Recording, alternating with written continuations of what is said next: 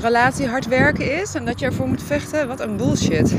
Ik was er altijd van overtuigd dat dat zo was. Weet je wel, dat ik mijn beste beentje voor moest zetten. Dat ik moest volhouden, moest volharden. En nog wat meer gas bijzetten. Maar het is de grootste bullshit ever. Het is gewoon echt onzin.